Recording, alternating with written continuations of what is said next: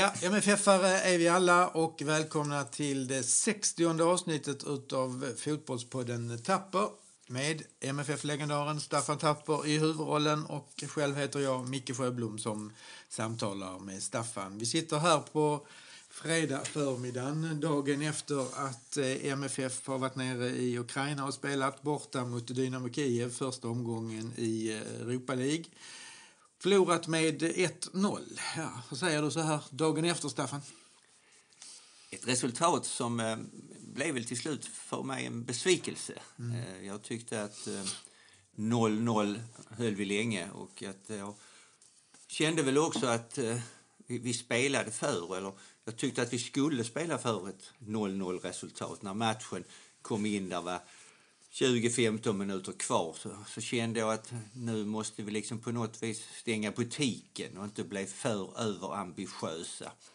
Eh, vilket vi blev tyvärr och fick en kontring på oss när vi själva pressade på lite grann och eh, fick släppt in ett mål.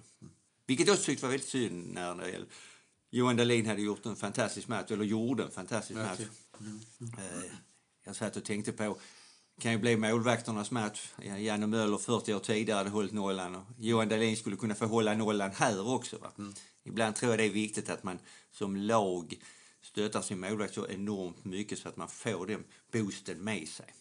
Eh, tyvärr fick vi inte det. Lite billigt mål tyckte jag ändå. Vi hade liksom många ansikten i matchen här som, som gjorde att kanske att vi blev lite överambitiösa också. Att vi eh, kände att vi kunde skapa målchanser på dem. De var inte så bra som man kanske hade rankat dem.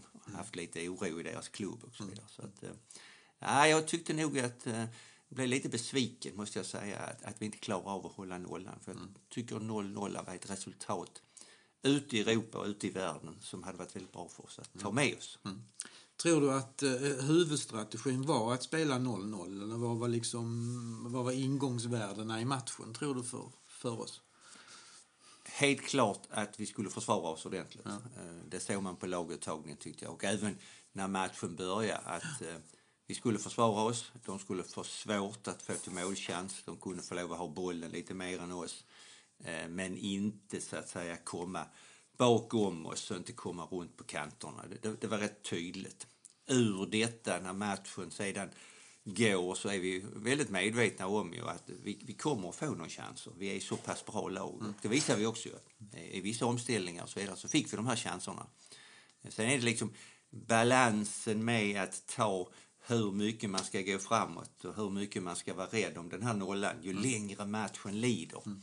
Och jag tyckte vi gjorde några eh, elementära misstag i slutet där vi får ett bollinnehav, är duktiga på att hålla bollen lite grann som vi vet om på deras planhalva. Men när man spelar och spelar för att hålla nolla, så när man anfaller så är det oerhört viktigt att man får död boll som vi säger. Att man måste få ett avslut som gör att det blir hörna, inkast, inspark eller någonting.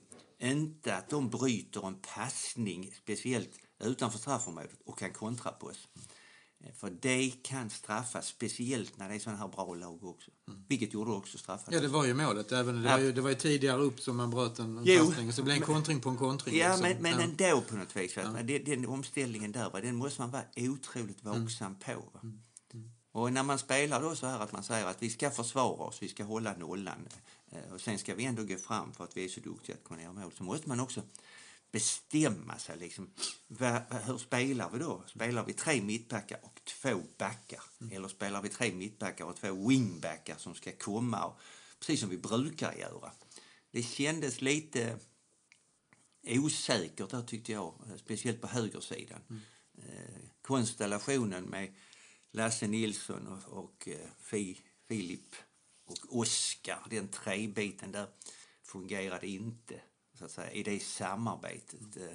Vi såg Filip, han kom på mellis flera gånger första halvlek så, så gör han ju så att säga Felix. Förlåt. Ja, du menar Bemo ja. Ja, ja inte Filip, ja. Felix. Och eh, han kom mellan, han gör frisparkar, gör hörna, missar i upp, uppspelsbitarna lite grann. Kom väldigt dåligt in i matchen, helt klart.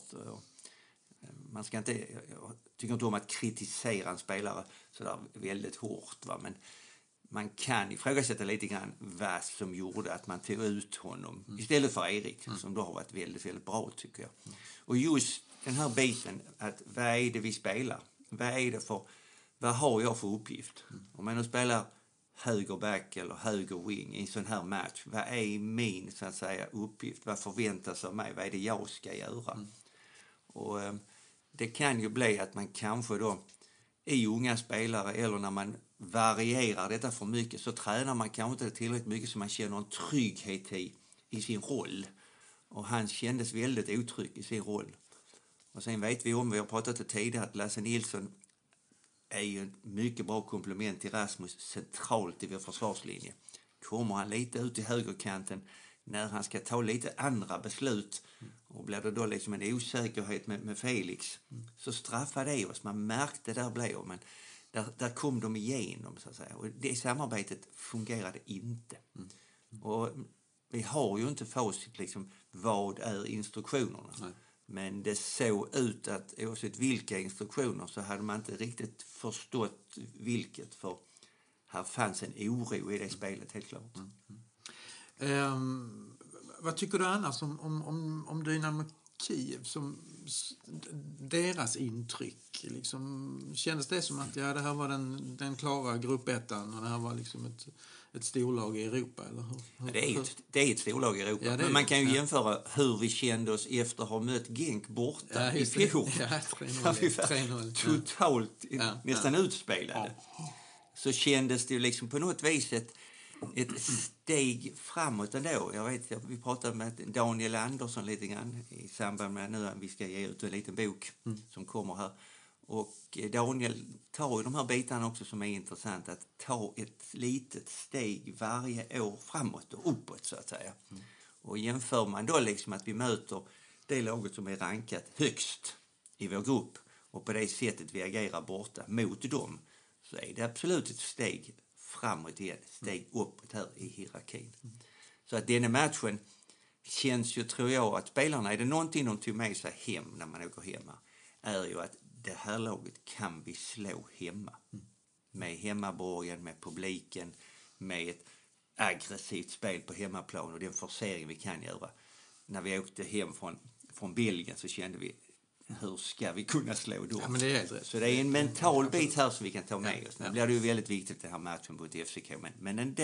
Mm. Så att det ska vi ta med oss. Och där hade ju så att säga, det här 0-0 resultatet ytterligare stärkt oss. Nollan hade vi hållit en poäng, Dahlin hade varit i, i fokus mm. ännu mer. Mm. Så att det var lite synd, lite att slarva bort det kände jag. Mm.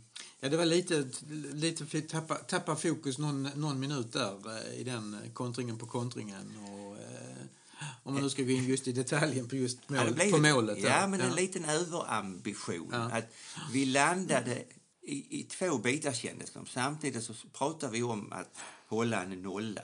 Och det är väldigt sällan vi pratar om det i allsvenskan. Mm. och sen samtidigt pratar vi om att vi är så pass bra så att vi kan så att säga ha ett eget spel på deras tredjedel.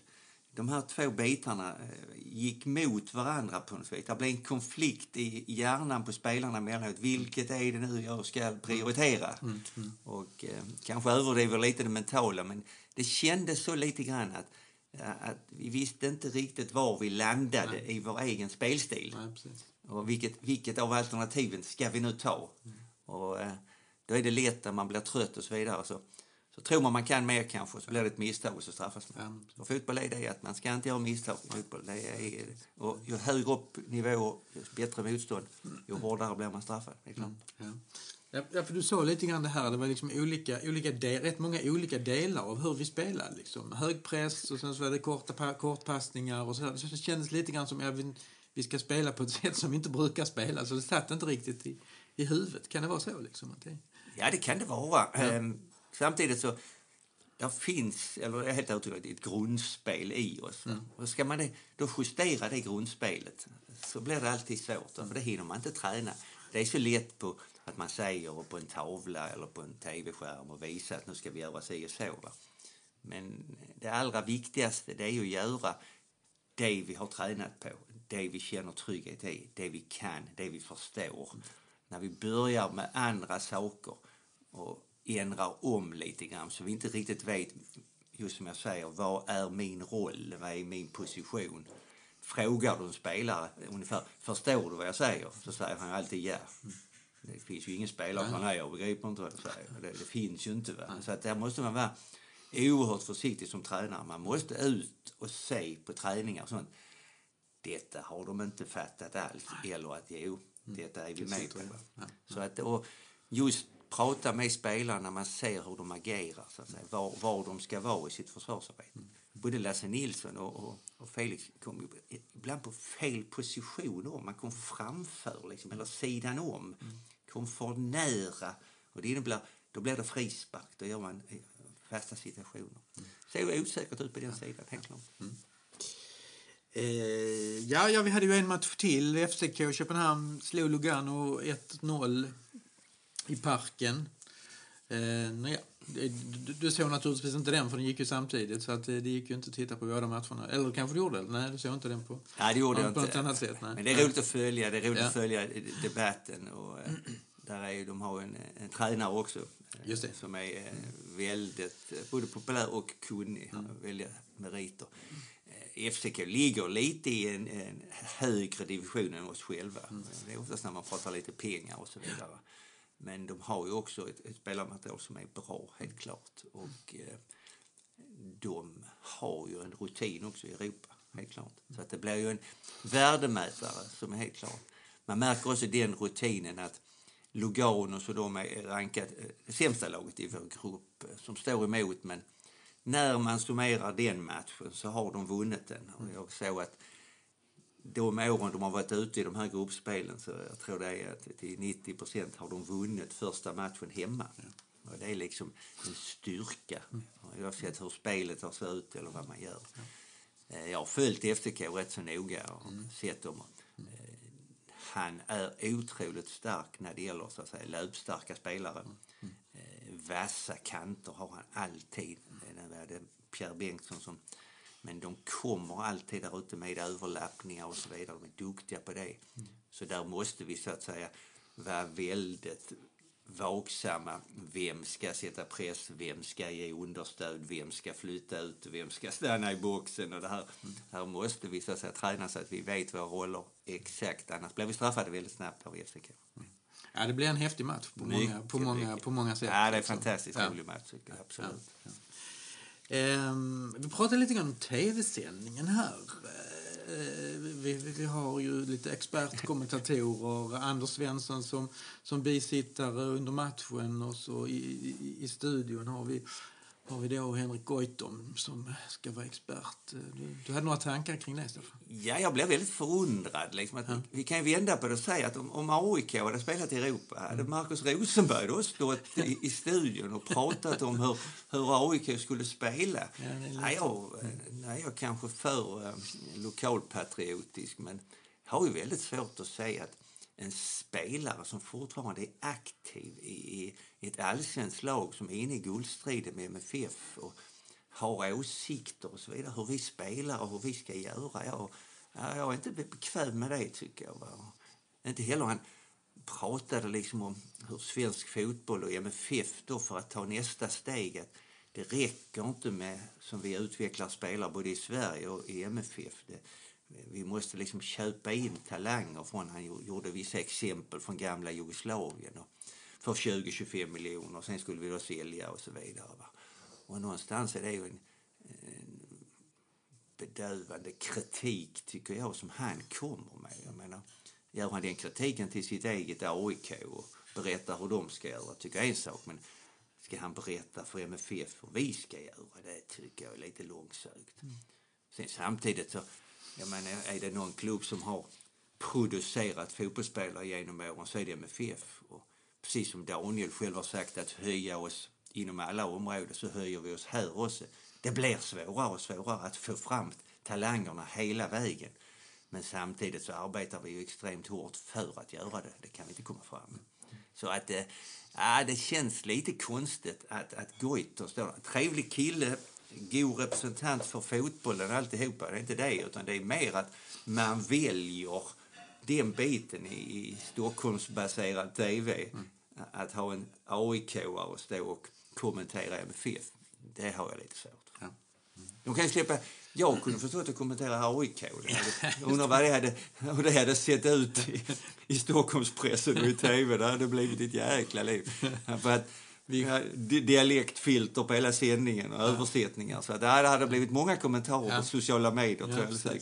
Ja, men vi, skickar den, vi skickar den kommentaren upp och försöker få Staffan och, och eh, kommentera eh, nästa Stockholmsderby. Ja, mm. absolut. eh, ja, tillbaks till Dynamo Kiev, har du någonting jämförelse med 78-79 eller någonting annat som någon ja, men, historiska ja, men det är klart att vi, blickar? Det är klart att vi 0-0, det var väl liksom ett resultat som, som jag har i ryggen. Mm. Jag hörde också här, jag pratade med vår materialförvaltare här på morgonen att de hade en hälsning till mig på flygplatsen. Det var någon okay. som frågade om jag var med i ledartruppen och mm. ville ta några bilder på, på Staffan Tapper. Mm. Det är roligt att bli ihågkommen bakom järnridån i gamla Sovjetunionen. Jag undrar vad det är jag är ihågkommen för. Ja, ja, det kan man ju undra, men, nej, men det, det, det hoppas vi är preskriberat i och för sig. Så att, men det var roligt ändå i den biten. Ja. Sedan var det ju liksom skillnaden. Jag tyckte det var så roligt när jag läste eh, när spelarna checkade in på det fashionabla hotellet mm. i, i Kiev. Mm. Då var det så att vi spelar ju inte i Kiev, vi spelar i Charkov som ligger väl hundra mil ännu längre mm så att säga österut.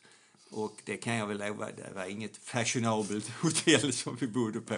Men så var den tiden bakom östblocket. Det var gamla Sovjetunionen och eh, det var lite andra tider.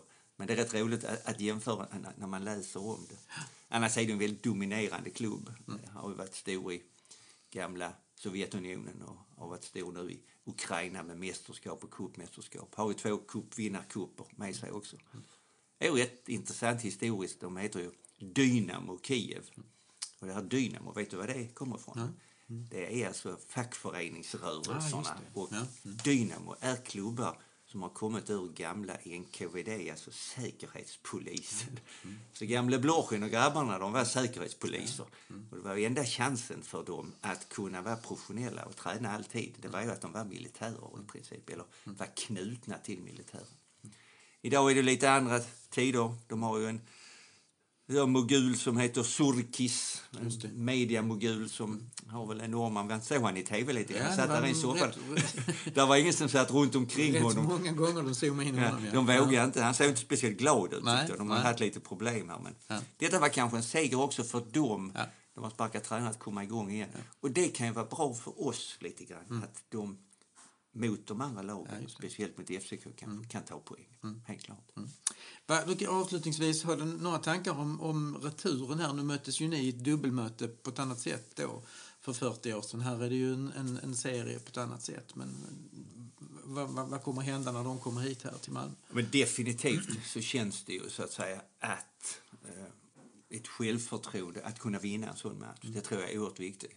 Så att, eh, det är det vi ska ta med oss. Det är bara synd att inte fick en poäng med oss. För rent spelmässigt och hur de såg ut i deras misstag och alltihopa, så var det ju inte ett lag att jämföra med Genk exempelvis. Nej. Så att man kan vända på det också. Skulle vi kunna göra en bra match och ta poäng mot FCK så tycker jag vi fortfarande har väldigt stor chans att gå vidare i gruppen. Ja. Ja, men gott, eh, vi stänger där och så har vi ju bortamatch allsvenskan på söndag. Yep. Borta mot eh, Elfsborg. Elfsborg, ja. ja. Ses vi. Hörs vi. Tack. Tack så Hej. mycket. Hej. vi alla, vi segrar skall men inte falla. De orden bör vi alltid minnas och ni ska se hur lätt det går. Vi står som en